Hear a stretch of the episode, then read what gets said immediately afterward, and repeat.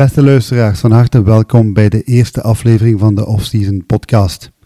Het is de bedoeling om tijdens deze gesprekken enkele interessante topics aan te snijden die onze luisteraars meer inzicht kunnen verschaffen over de begeleiding van jonge en oudere spelers. We proberen met onze initiatieven de perfecte aanvulling te zijn op het harde werk binnen de verschillende jeugdteams. Onze focus ligt voluit op de individuele ontwikkeling van de speler, zodat de deelnemers een grotere bijdrage kunnen leveren aan hun jeugdteams. Momenteel bieden we elke woensdag namiddag een skill development workout aan met Bart Wouters en we zijn ook in volle voorbereiding op de Stars herfststage op 1 en 2 november.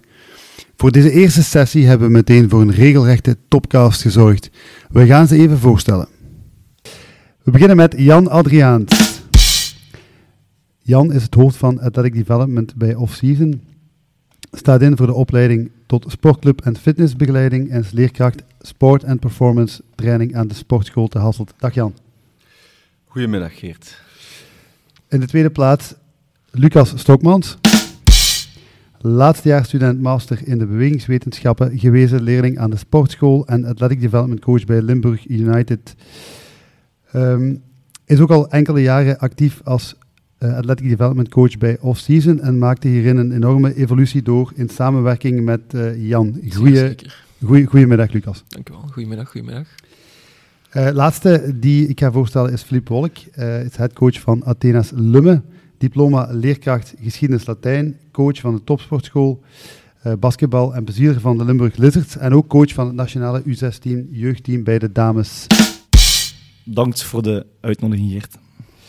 Filip, uh, eerste vraag voor jou. Uh, met de voorgenaamde functies uh, die we hebben opgenoemd, ben jij ideaal geplaatst om op de volgende vraag een goed antwoord te geven.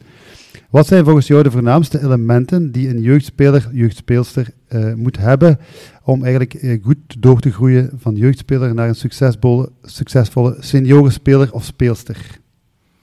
Dat is een, een hele moeilijke vraag waarop we heel lang kunnen antwoorden. Dus ik ga ervoor zorgen dat het antwoord zo gevat mogelijk tot uh, bij jullie komt. Bedankt. Uh, ik gebruik er altijd één zinnetje voor. En dat is 3D, we and see. Dus 3D, we and see. Waar komt het op neer? De 3, dat staat voor de capaciteit om drie punters te scoren. Of shooting. Want shooting, dat is uh, de allerbelangrijkste offensieve fundamental nu. Dus dat is heel belangrijk dan het hedendaagse basketbal, dat je een shot kunt maken op afstand. Dan hebben we de D, die staat voor defense het moment dat je ja, je eigen man kan stoppen in verdediging. En je kan ook uh, ja, deel uitmaken van een teamdefense. Dan kan je zeker een rol spelen op een hoog niveau.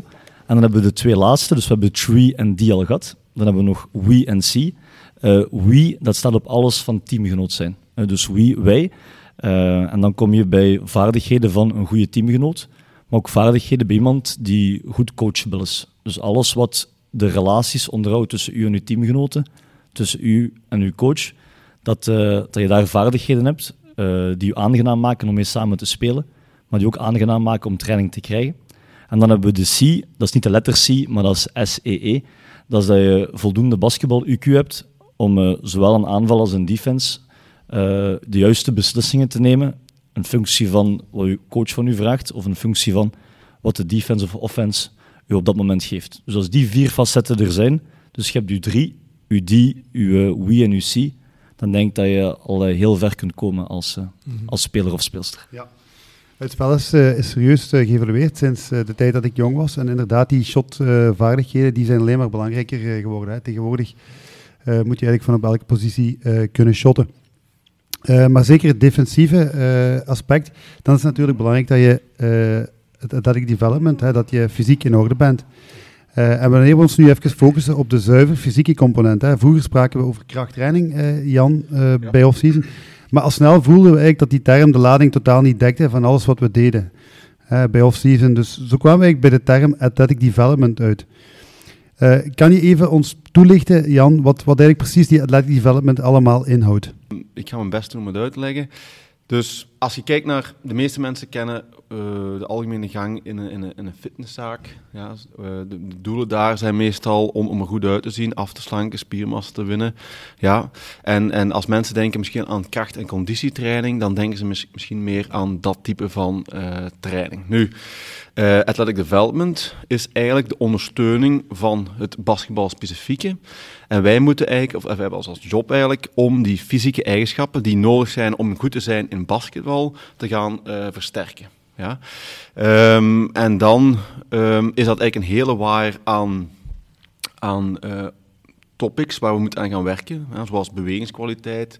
Um, dan hebben we eigenlijk de loopscholing, de voetenwerk, uh, sprongkracht, kracht in het algemeen, conditietraining. Ja. En al die facetten, al die eigenschappen, die eigenlijk, fysieke eigenschappen die eigenlijk nodig zijn om uh, een betere basketbal te worden, die zitten ook in onze trainingen bij uh, off-season. Beginnen altijd een opwarming, waar wij bepaalde stretchmethodes gebruiken, bepaalde activatieoefeningen noemt dat, om bepaalde spieren uh, wakker te schudden. Um, en zelfs ademhalingsoefeningen die eigenlijk allemaal helpen om de bewegingskwaliteit van de speler te verbeteren. Hè. Want bijvoorbeeld de basketbalcoach zegt, ja, ga dieper door je benen. Of we willen een bepaalde techniek aanleren en je moet het zo, moet je elleboog zo en je benen zo houden. Ik zeg maar heel algemeen.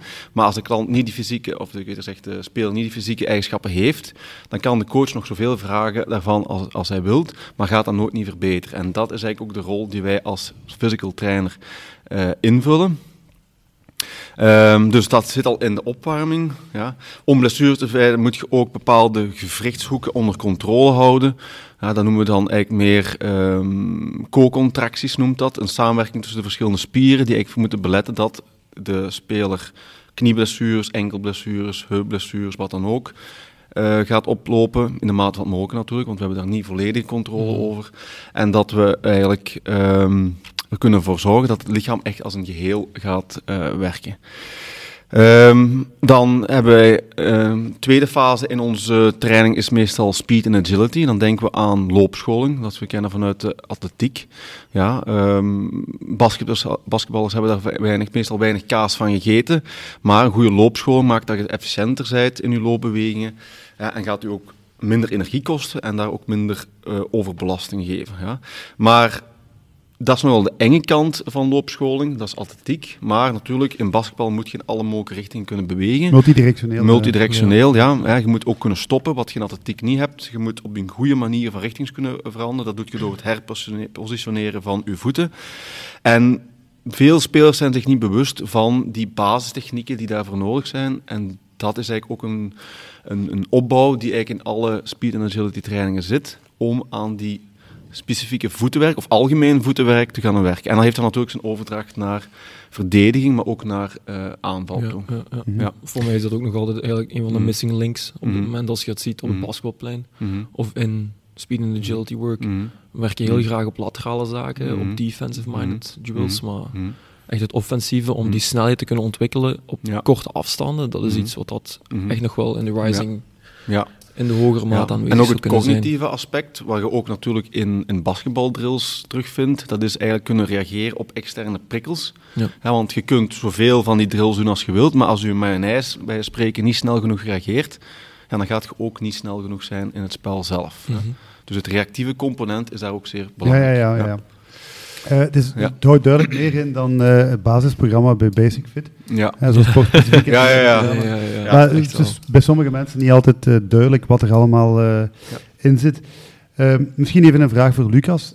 wat is eigenlijk het belang van een, een weloverwogen en correct opgebouwde aanpak bij athletic development, al die facetten? Wat is het belang daarvan op korte termijn, de basketbalcarrière, maar ook op lange termijn, de duurzame sportbeoefening na de basketcarrière? Ja, het is, het is een van de grootste, belangrijkste zaken die dat erbij zitten. Het is, uh, als we kijken puur naar de basketbalcarrière, dan zitten we al, ja, zoals iedereen nu wel gemerkt heeft, het is de periode van COVID geweest, het is de pandemie geweest.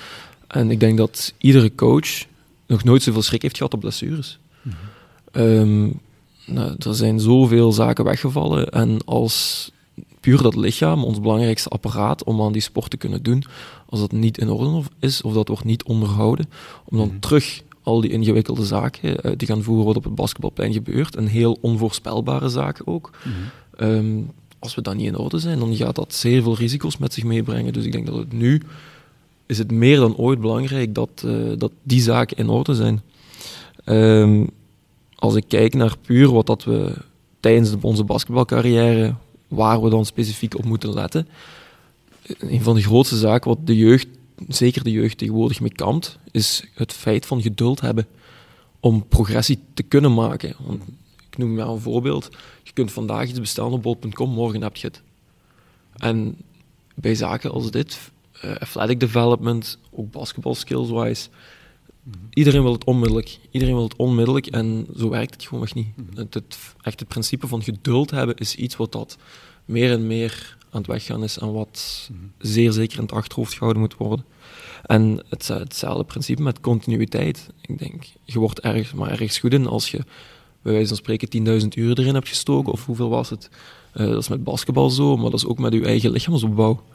Uh, met je lichaamsopbouw kan er zelfs veel meer. Dat is een levenslang werk, wat dat er eigenlijk inkruipt, om je eigen lichaam te leren kennen en om het te blijven leren kennen. Want als jeugd ondermaak je een fysieke transformatie, om het zo te zeggen. Je blijft groeien, zowel mentaal als fysiek. Uh, maar na je basketbalcarrière en je wordt wat ouder, ook dan moet je zien dat je op de lange termijn gezond blijft. Ook als je lichaam op, de neerwaartse spiraal aan het gaan is, om het zo te zeggen.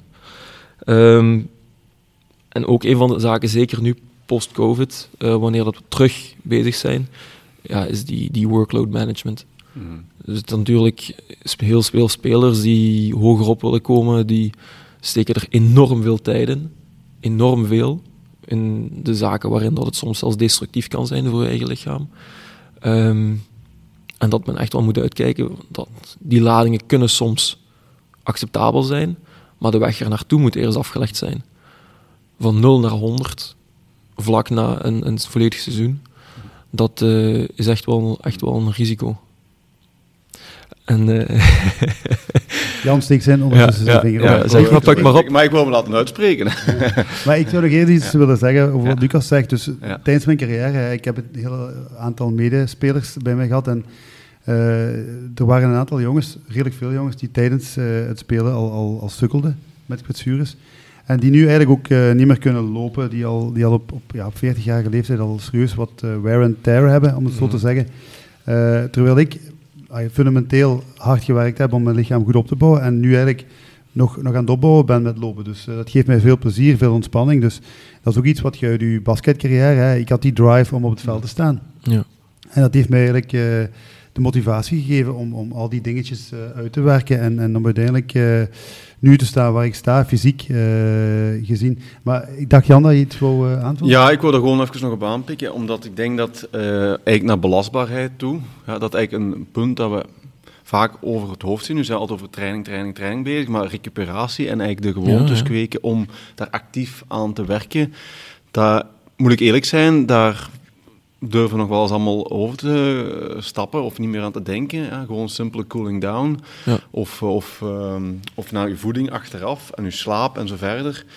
Dat is ook een belangrijke component om blessurevrij te blijven. Plus, iedereen kun je niet over dezelfde kam scheren. Als je een jonge ploeg hebt, die kunnen qua trainingsvolume veel meer aan, die recupereren sneller. Dan heb je oude spelers, ja, die mogen eigenlijk wel meer uh, rust geven, hè, of een ja. andere type van belasting geven. Ja, ja, ja, ik denk gewoon in het algemeen om daarop aan te pikken dat er heel veel kennis zit bij, ook bij basketbalcoaches over hoe ziet er een ideale wedstrijddag eruit voor een speler. Mm -hmm. Hoe ziet de ideale een avond voor de wedstrijd eruit? Hoe ziet de nacht eruit?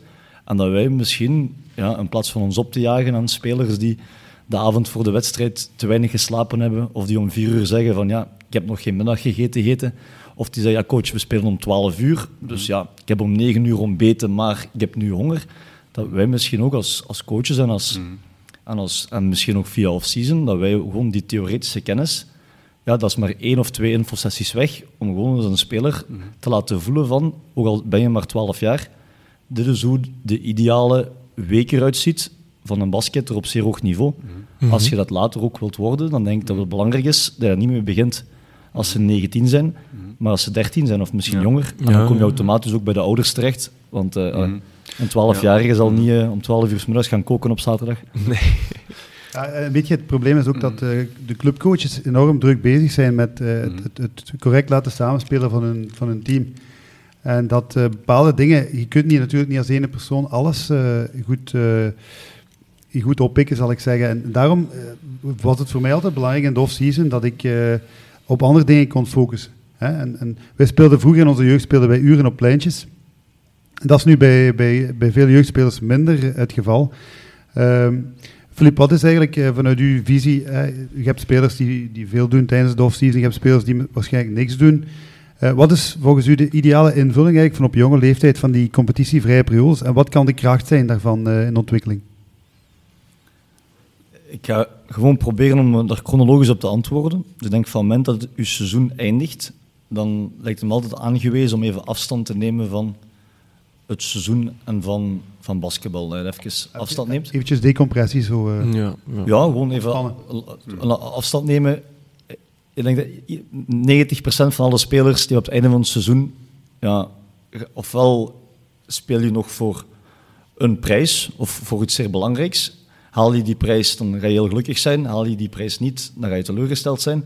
Maar het merendeel van de spelers, ja, dan is die laatste seizoenswedstrijd die voelt ook aan als de, tussen haakjes, de laatste de verlossing. De, de laatste, ja.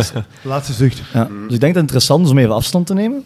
Maar dan ook niet het vorige seizoen volledig weg te gooien. Want dat seizoen, ja, daar ga je veel uit moeten leren.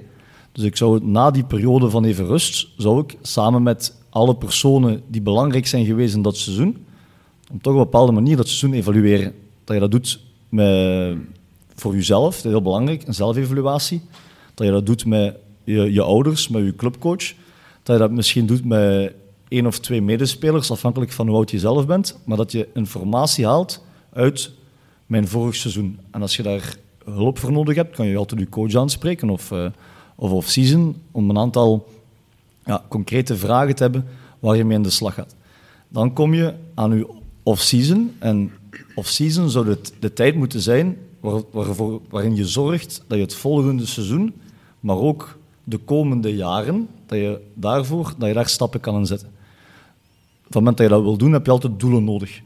Die doelen die ga je moeten stellen, weer voor jezelf, weer in samenspraak met enkele coaches. En dat kunnen doelen zijn op vlak van basketbal, dat kunnen doelen zijn op vlak van uh, athletic development, maar dat kan even goed zijn mentaal. Uh, mijn evaluatie was, uh, omwille van de stress, heb ik geen enkele vrijwoord op gescoord. Dat is nu een extreme. Ja, dan heb je misschien nu een periode om ervoor te zorgen dat jij technieken aanleert die ervoor zorgen dat je op het moment op de vrijhooroplein staat, dat die stress er iets minder is. Dan kom je nu off-season en dan heb je voor mij een heel grote blok. Dat is dat je sowieso andere sporten kan doen. Eén, dat is plezierig, maar twee, je gebruikt ook vaak bewegingen die een functie zijn van basketbal. Altijd goed nadenken, want als je op 31 juli uh, de marathon loopt, dan ga je op 2 augustus ga je niet kunnen een basketbaltraining doen. En als je elke dag van de zomer 300 kilometer fietst, elke dag, ja, dan ga je op 3 augustus, dan gaat je lichaam een transformatie ondergaan die voor basketbal niet ideaal is. Ja. Dus dan zou ik gewoon voor zorgen dat je één, je hebt je, je functioneel aspect van je doelen, dat je daaraan werkt. Kan je dat alleen doen, mooi, maar vaak ga je daar iemand voor moeten hebben die jou instuurt en die je begeleidt.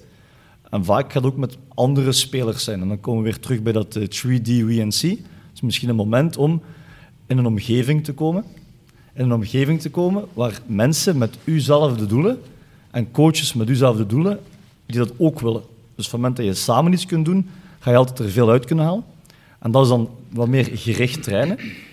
Maar dan moet er ook tijd zijn voor ja, de 3x3 toernooitjes of gewoon op het pleintje met je vrienden, dat je gewoon ja, vrij basketbal speelt, waar je dingen kunt leren, kunt proberen, maar, maar vooral ook veel fun kunt hebben, een vrij basketbal doen. Dus dat is volgens mij, dat zou in grote lijnen een, eh, een goed off-season zijn. Hmm. Ja, ik denk ook wel, als je kijkt naar, als we het nu puur hebben over dynamiek van de sport, bij heel veel spelers is het ook alleen maar basketbal. En als we kijken naar echte topatleten, die zijn heel vaak heel goed in meerdere sporten. heel allround. En, en ik denk dat ook een beetje de fout kan zijn soms om te snel te specialiseren in alleen maar het basketbal. Hoe breder je die wire laat gaan in die opleiding, van kinds af aan, hoe meer verschillende bewegingen, verschillende aspecten, verschillende denkwijzen ze gaan opdoen, om ze uiteindelijk, je kunt ze daarna nog altijd laten specifieren, maar dat gaat het wel, dat gaat het wel makkelijker brengen voor die, die kwaliteit naar boven te knallen. Maar ik denk ook, denk jij nu, Filip, als je kijkt naar evaluaties, hè, evaluaties van spelers, van ploegen, gebeurt dat concreet genoeg? Komt daar voldoende positief effect uit? Ik zeg nu niet per u persoonlijk, hè, maar gewoon als je het algemeen plaatje bekijkt.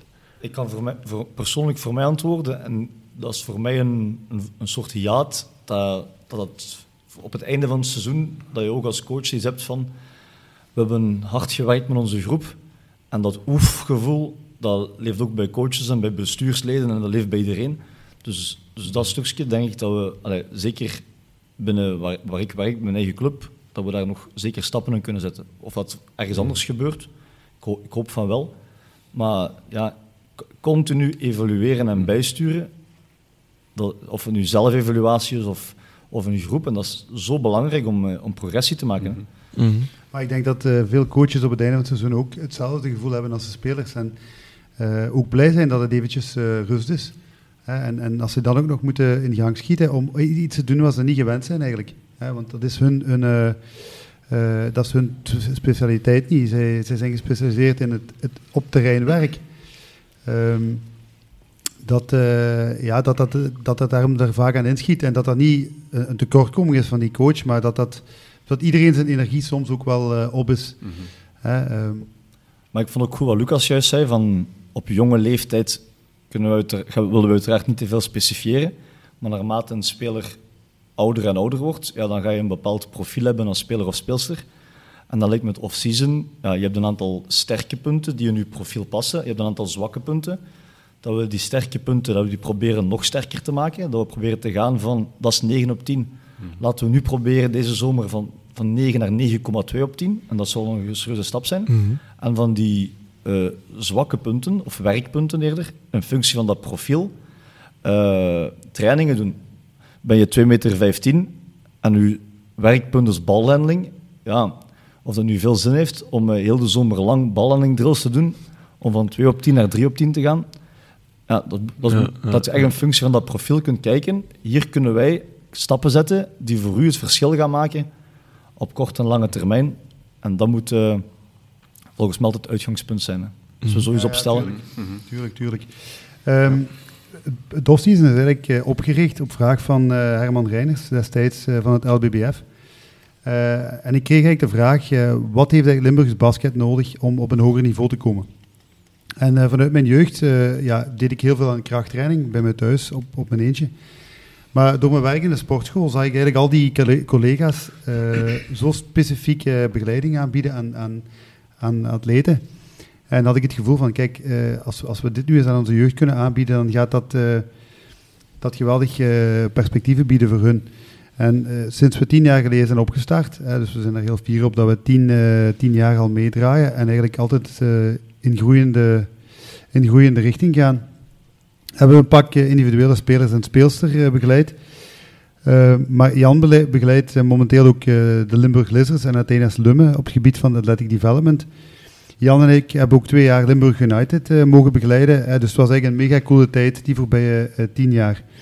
Sinds dit jaar mogen we ook met veel fierheid zeggen dat we vanuit de off-season familie opnieuw een athletic development coach mogen leveren aan Limburg United. in de vorm van Lucas natuurlijk. Uh, Lucas, hoe ben je er eigenlijk ingerold en hoe reageren de profs op de verschillende aspecten van de workouts die je aanbiedt? Ja, dus ook wel even een full disclosure. Dus ik ben, uh, ik ben er vorig jaar ingestapt als uh, stagiair zijn. Ik ben voor dit jaar ook nog altijd, voor mijn laatste jaar van mijn master, ben ik ook nog altijd stagiair er. Dus het is nog geen, het is nog geen full-on in. Um, maar ik heb wel op zich mijn, mijn vaste rol in het team, als uh, de physical trainer zijnde.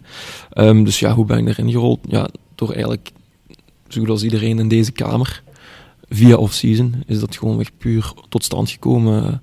Gewoon weg, ook inderdaad zoals je al zei, vanaf de sportschool af.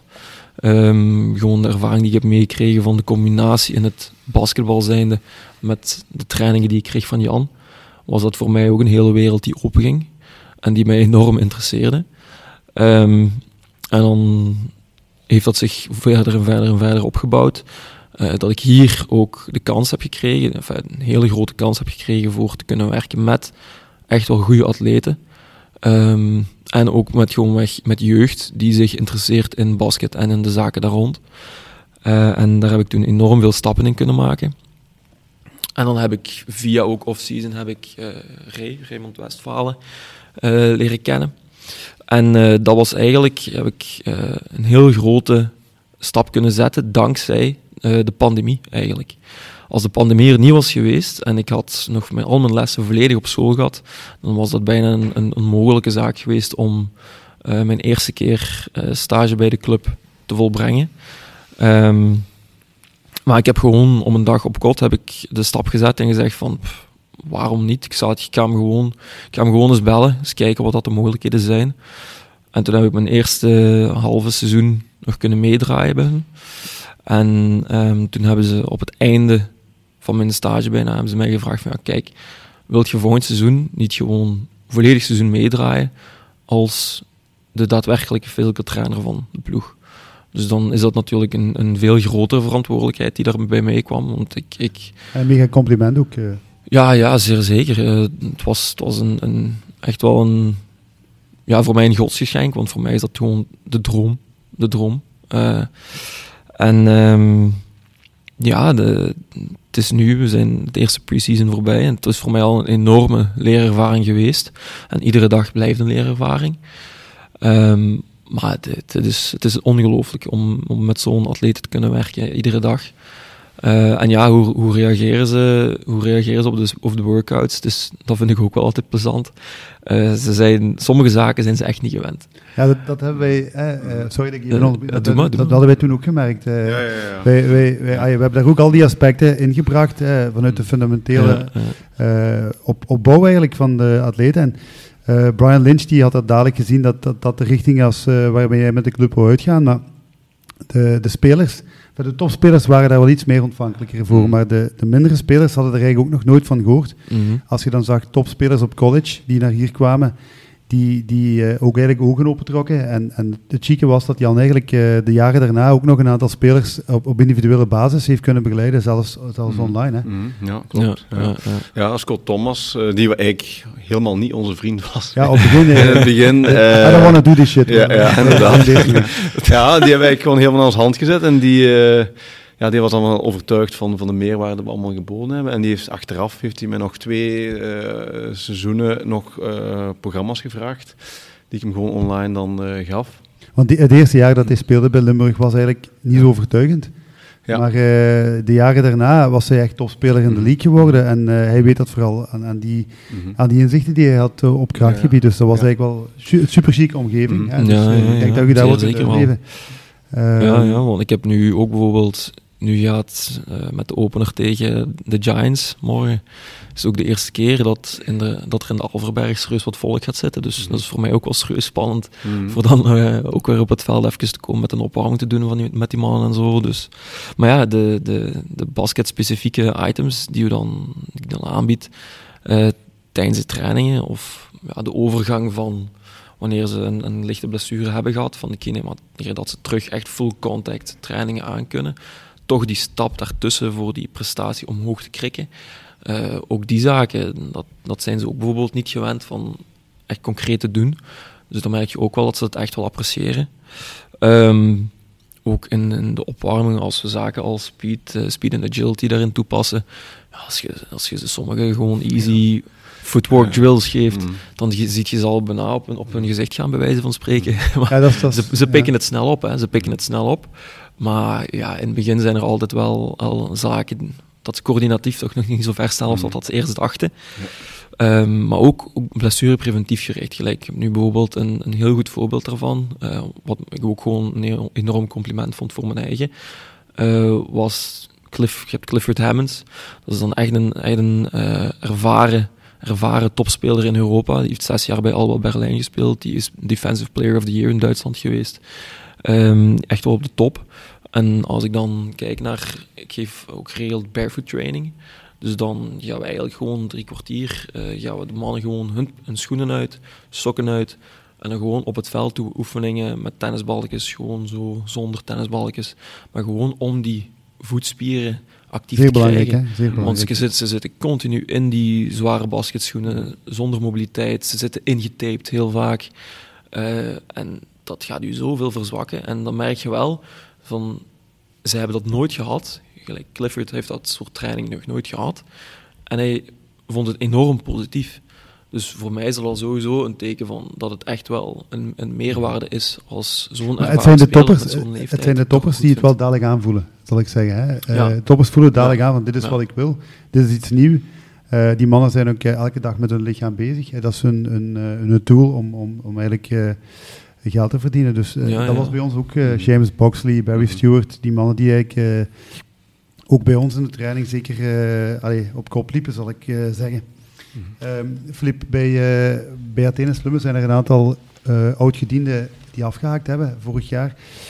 Je zit nu met een hele nieuwe ploeg, dus dat is natuurlijk een geweldige uitdaging. Maar aan de andere kant kan je daar ook volgens mij nog wat kneedwerk doen. En veel jong gasten die toch wel in het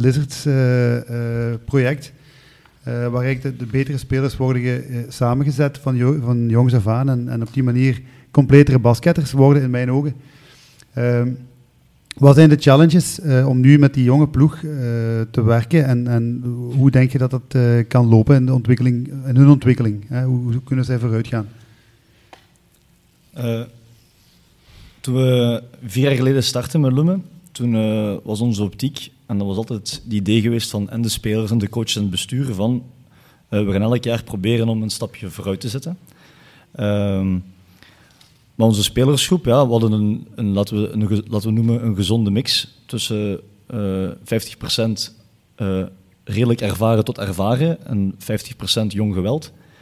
En nu hebben we, ja, laten we noemen, 75% jong geweld en 25% ervaren.